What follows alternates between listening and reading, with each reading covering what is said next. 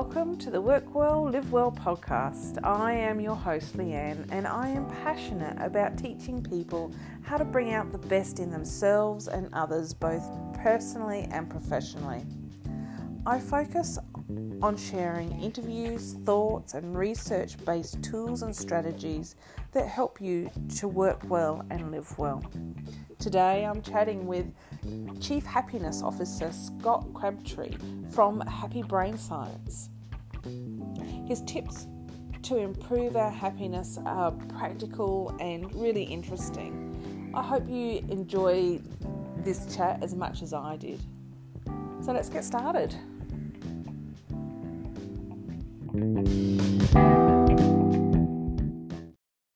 Scott, welcome and thank you for joining me. Thank you so much, Leanne. It's great to be with you. I've been really looking forward to having a chat with you because um, uh, I often use your uh, videos uh, around energy management in my mindfulness uh, classes, and, and um, it, it's uh, it, it's it's wonderful to be speaking to you. So, w- would you be able to share with us, please, how how did you become the chief happiness officer? Um, it, it's a bit of an accident, to be honest, Leanne. I I did not see this coming. I used to hear that people averaged, I think it's 2.3 careers. Maybe that's U.S. data. I'm not sure, but I was like, that's interesting. What would I ever do besides lead the design and development of video games and other software? I don't know what else I would do. And then I was working at Intel, and my wife went into Powell's bookstore here in Portland, Oregon and there was a book turned sideways uh, called The How of Happiness by Sonja Lyubomirsky. And I thought, How of Happiness? What's this? And I looked on the back, and there was a review from Harvard professor Daniel Gilbert saying, unlike every other book on happiness, this one is based on quality experimental data and will work.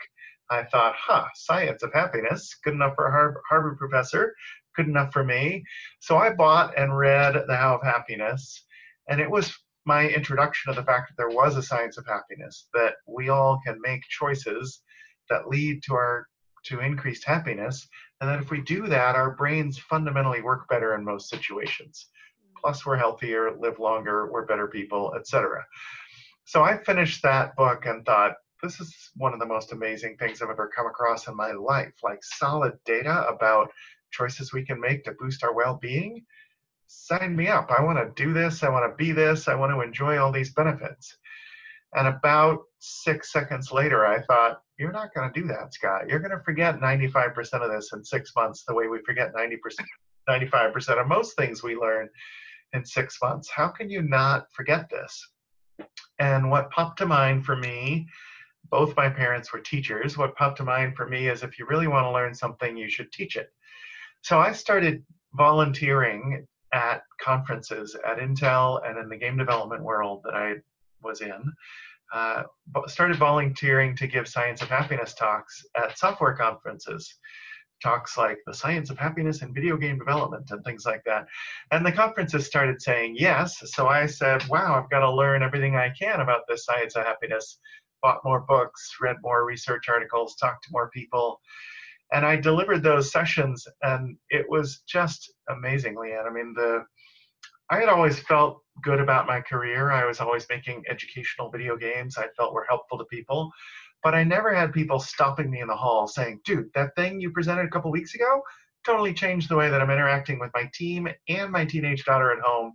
Things are much better. Thank you. I'm like, whoa, this is really uh, getting a response from people. And my own internal reaction was just, I felt so full of joy helping people learn what to me is this amazing new science. So it kind of went viral in a non internet way. People kept asking me if I could do presentations like that.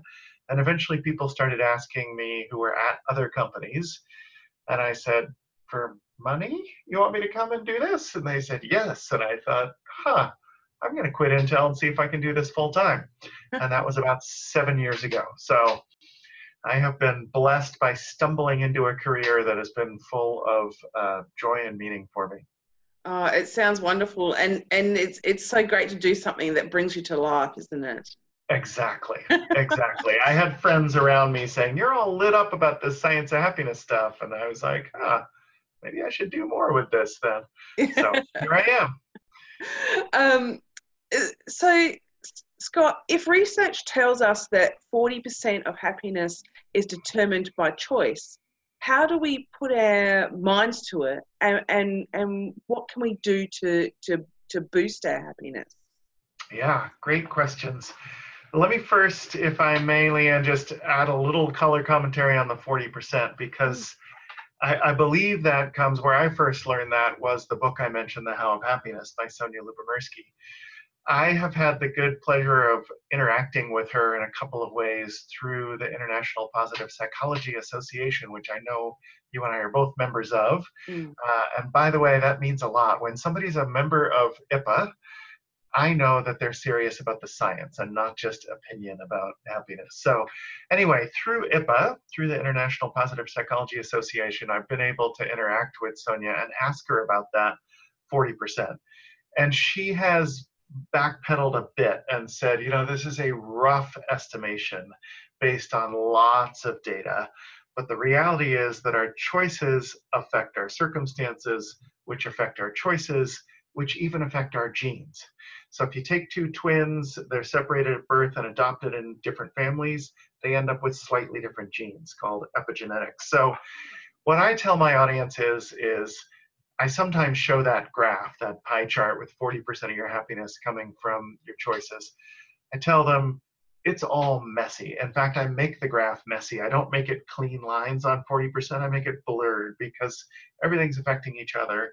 And the the 40%, it's really 40% of the difference between your happiness level and a different person's happiness level. So all of that is just to clarify that it's kind of rough and messy when we say about 40% of our happiness. Mm. But still, it's a great question. What can we do to choose more happiness? Lots of things. I have a lot of different workshops and presentations, keynotes that I give for a living. The one that I give the most often I call the science of being happy and productive at work. And that is basically my three to four hour answer to your question. So we don't have three or four hours here. So in three or four minutes, I'll see if I can tell you about the four themes that I, Wonderful. That I organize those choices. So the first is subdue stress because it's stress and happiness are not the same thing, but it's hard to be high stress and high happiness at the same time. Usually if we're very high stress, we're low happiness. Usually if we're lower stress, we're higher happiness. And as you likely know, Leanne, that the science is clear that how we cope with life's inevitable difficulties and hardships is a major factor in our well-being. Mm. Some of us don't cope very well, we end up unhealthy and miserable, and others cope well with the same difficulties and they come out happier and healthier. So, um, so subduing stress is about, first of all, reframing stress as a helpful source of energy. We don't have to stress about our stress moderate stress is actually helpful. So mm. you may have seen your your watchers and readers and listeners may have seen Kelly McGonigal's great TED talk about how if you view stress as a helpful source of energy, our body responds in a more healthy way to it. So part of it is reframing stress, but it's also coping effectively with things like physical exercise, social support, that is talking with friends, and I know one of your favorites and mine, mindfulness all great ways of coping with stress. So that's subdue stress. Uh, second set of choices to boost happiness I call practice positivity. And frankly, this is a bunch of corny, cheesy sounding stuff that people have likely heard before about positive attitude. So why would I include it? Because science says that all that corny sounding stuff about positive attitude really works. Mm-hmm. When we look on the bright side, when we find the silver lining, when we see the best in each other and each other's work, we feed our brains more happiness and therefore our brain works better. So optimism works and all that stuff about have a good attitude. You can roll your eyes at it if you have to, but try to find your way to a positive attitude because it really helps. Third theme in my happiness workshop I call flow to goals. And that's about the importance of progress towards clear and meaningful goals. Uh, in Western societies, we're very goal oriented. That's great. Lots of studies show that having goals boosts performance. But we're so goal oriented that we forget sometimes to savor the progress along the way. And Harvard professor Teresa Amabile led a team uh, showing how important progress towards clear and meaningful goals is. So it's about having clear, meaningful goals, progress towards those goals, the delightfully productive, focused zone that we can get in that psychologists call flow, where everything is clicking and you're completely focused on something challenging but possible. And I also include in that section the perils of multitasking the myth of multitasking. When we feel like we can do pay attention to two things at once, mm. we can't, and we tend to make ourselves stupid and miserable. Is the a short, cheeky way of putting the science.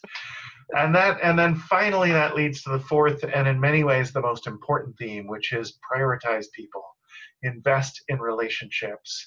For most of us, most of the time, the data suggests the quality of our relationships is a central source of our well-being.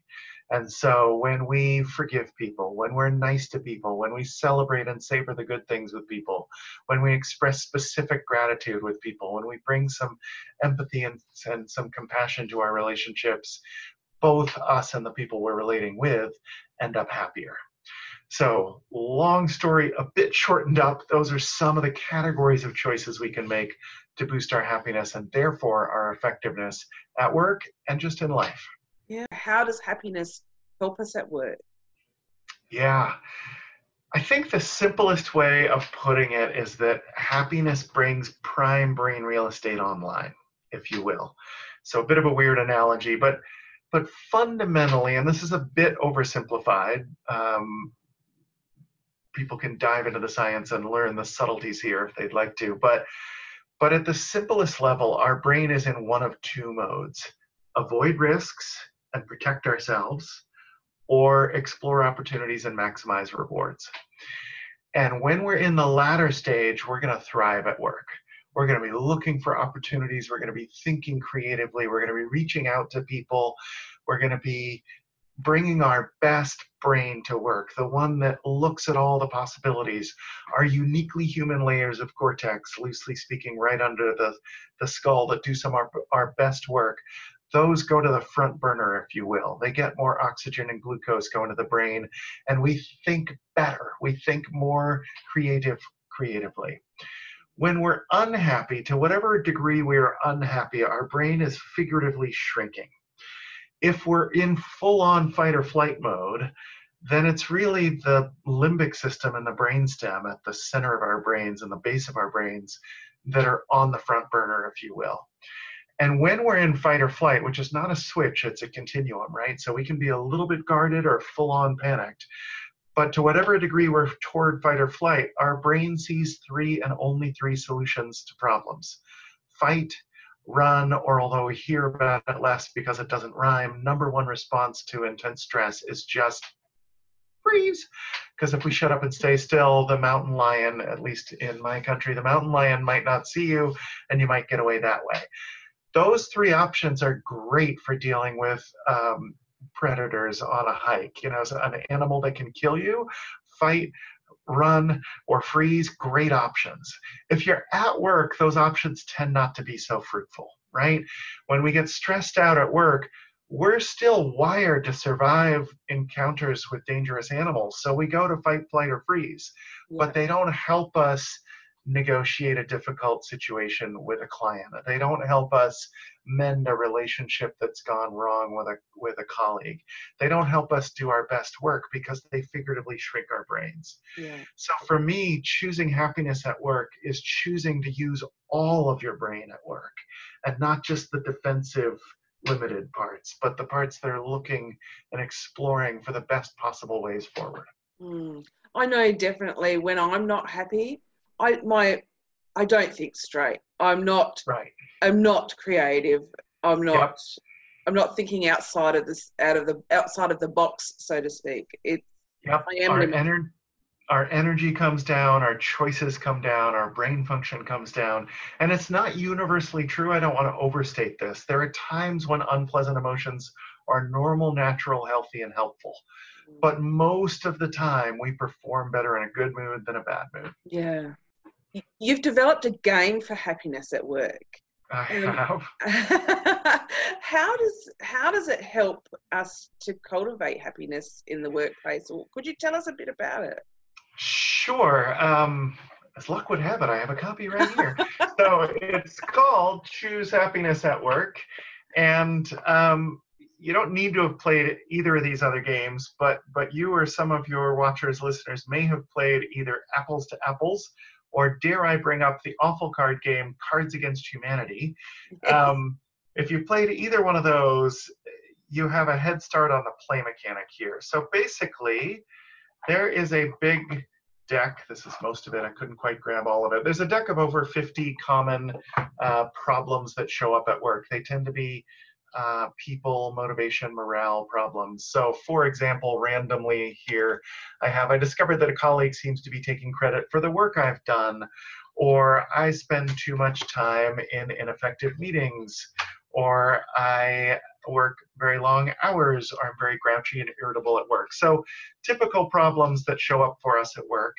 And we have an executive role. The executive picks two of those problems off the top of the deck, chooses which one she's most interested in solving, and then tells everyone else about it. And then everyone else is holding seven of these science-based solution cards that I'm trying to fish out of the box here. So this much bigger deck are science-based solutions. And these match the categories that I just told you about from the workshop. So there are solutions that are focused on subduing stress, practicing positivity, flowing to goals, and revitalizing relationships. So everyone else sitting at the table has seven of these cards in their hand, and they're looking for a good solution to that problem. So say somebody said, I'm feeling grouchy and irritable at work today. Um, you might suggest to them that they practice specific gratitude. Or if uh, if you don't feel like you have a great match, you can sometimes try to get funny or creative. So I might play dude, you need a snack. You need an antioxidant snack to bring your mood up here. And then the executive who selected the problem, they get a variety of options and they choose the best solution that's two points and most creative or humorous solution that gets one point. And then the executive role rotates around the table. So the idea behind this, game designers like me call games like this serious games.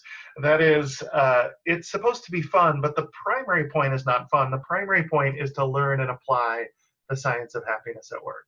Yeah. And so, what people report who play the game, they report that they learn about the science of happiness and each other by playing together. Um, and games are just a fun way to bring energy up and allow people to do things they wouldn't do in a serious situation. So, for example, Leanne, one of the things we hear from players is there are real problems for our organization in these cards. And the game gives me a safe way to to raise those issues. So uh, I must work closely with somebody who is negative and complains a lot that's a risky thing for me to say in a team meeting of 12 people at work, right? Oh, who, wait, who are you talking about? You're being very negative. But if the game raises the issue for me, oh, I'm just picking this card. What do you think? It gives me a safe way to surface problems.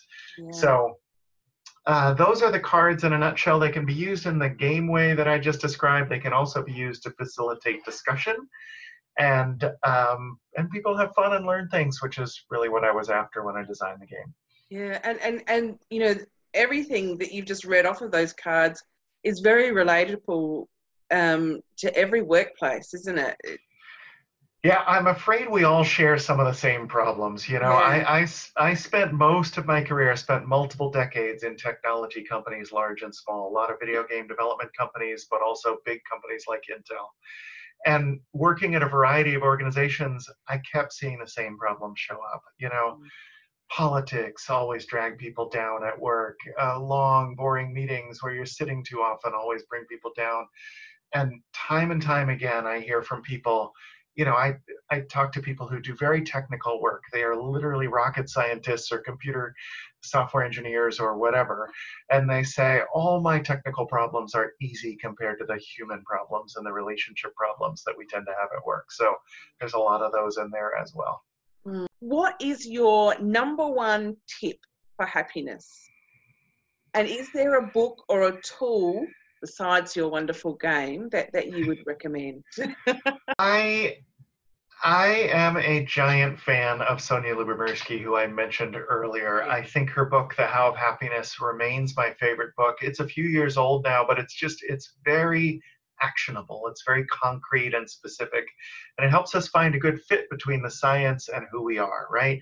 So, a critical point here, Leanne, is that science produces averages from large groups of people but you're not an average and somebody watching this listening to this they're not an average either they're a unique person right mm. so the question isn't what works for most people the question is what works for you and the how of happiness does a really good job of of relating that so that and other books are on a free recommended reading list that I have on my site, happybrainscience.com. Mm. Brainscience.com has a recommended reading list, and that is one of many great books on the science of happiness.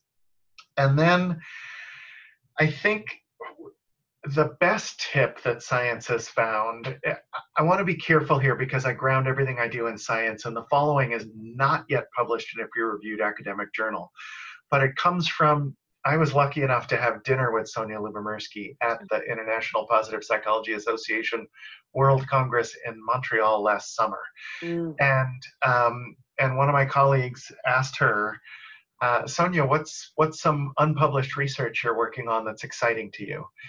And she talked about research that that she and her colleagues have done that has found the biggest boost in well-being of anything they've found so far. And oversimplified, that technique is act like an extrovert. So now I know that that some of your listeners may be introverts and they may be, oh, that's not me. It's exhausting for me to talk to people. It's hard for me to talk to people. Sure, you extroverts say that, but that's hard for me. Well, what the science has found is that for both introverts and extroverts, when we get a bit of social interaction, it boosts our mood. And so the way to make this concrete is elevator rides. I know it's awkward. I get in elevators and there's a person there I don't know, and I'm like, is this person going to be nice? Or are they going to be mean? Maybe they want to be left alone. How many seconds are we going to have together? And I often say nothing.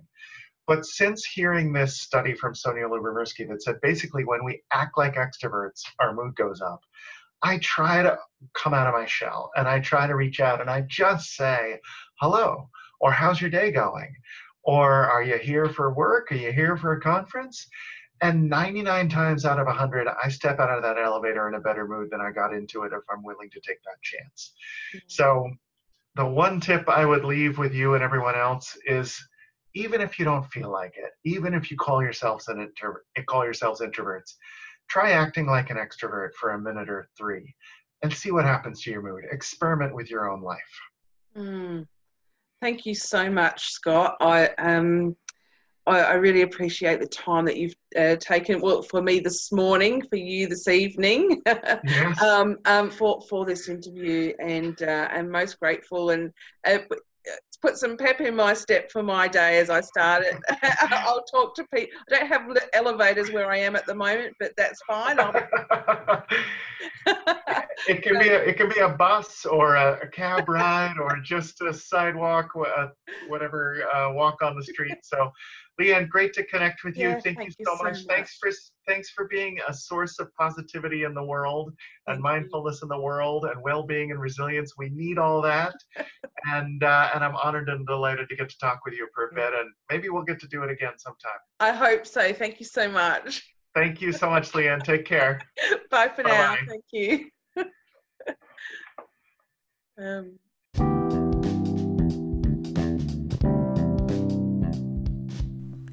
Thank you for joining me. To find out more about Scott and Happy Brain Science, go to his website www.happybrainscience.com. You'll also find the link in the podcast notes. I hope that you've enjoyed this chat with Scott as much as I did. Uh, if you want to purchase his game, uh, you can do so through his website, and I also have uh, games, his games here in Australia. So Bye for now.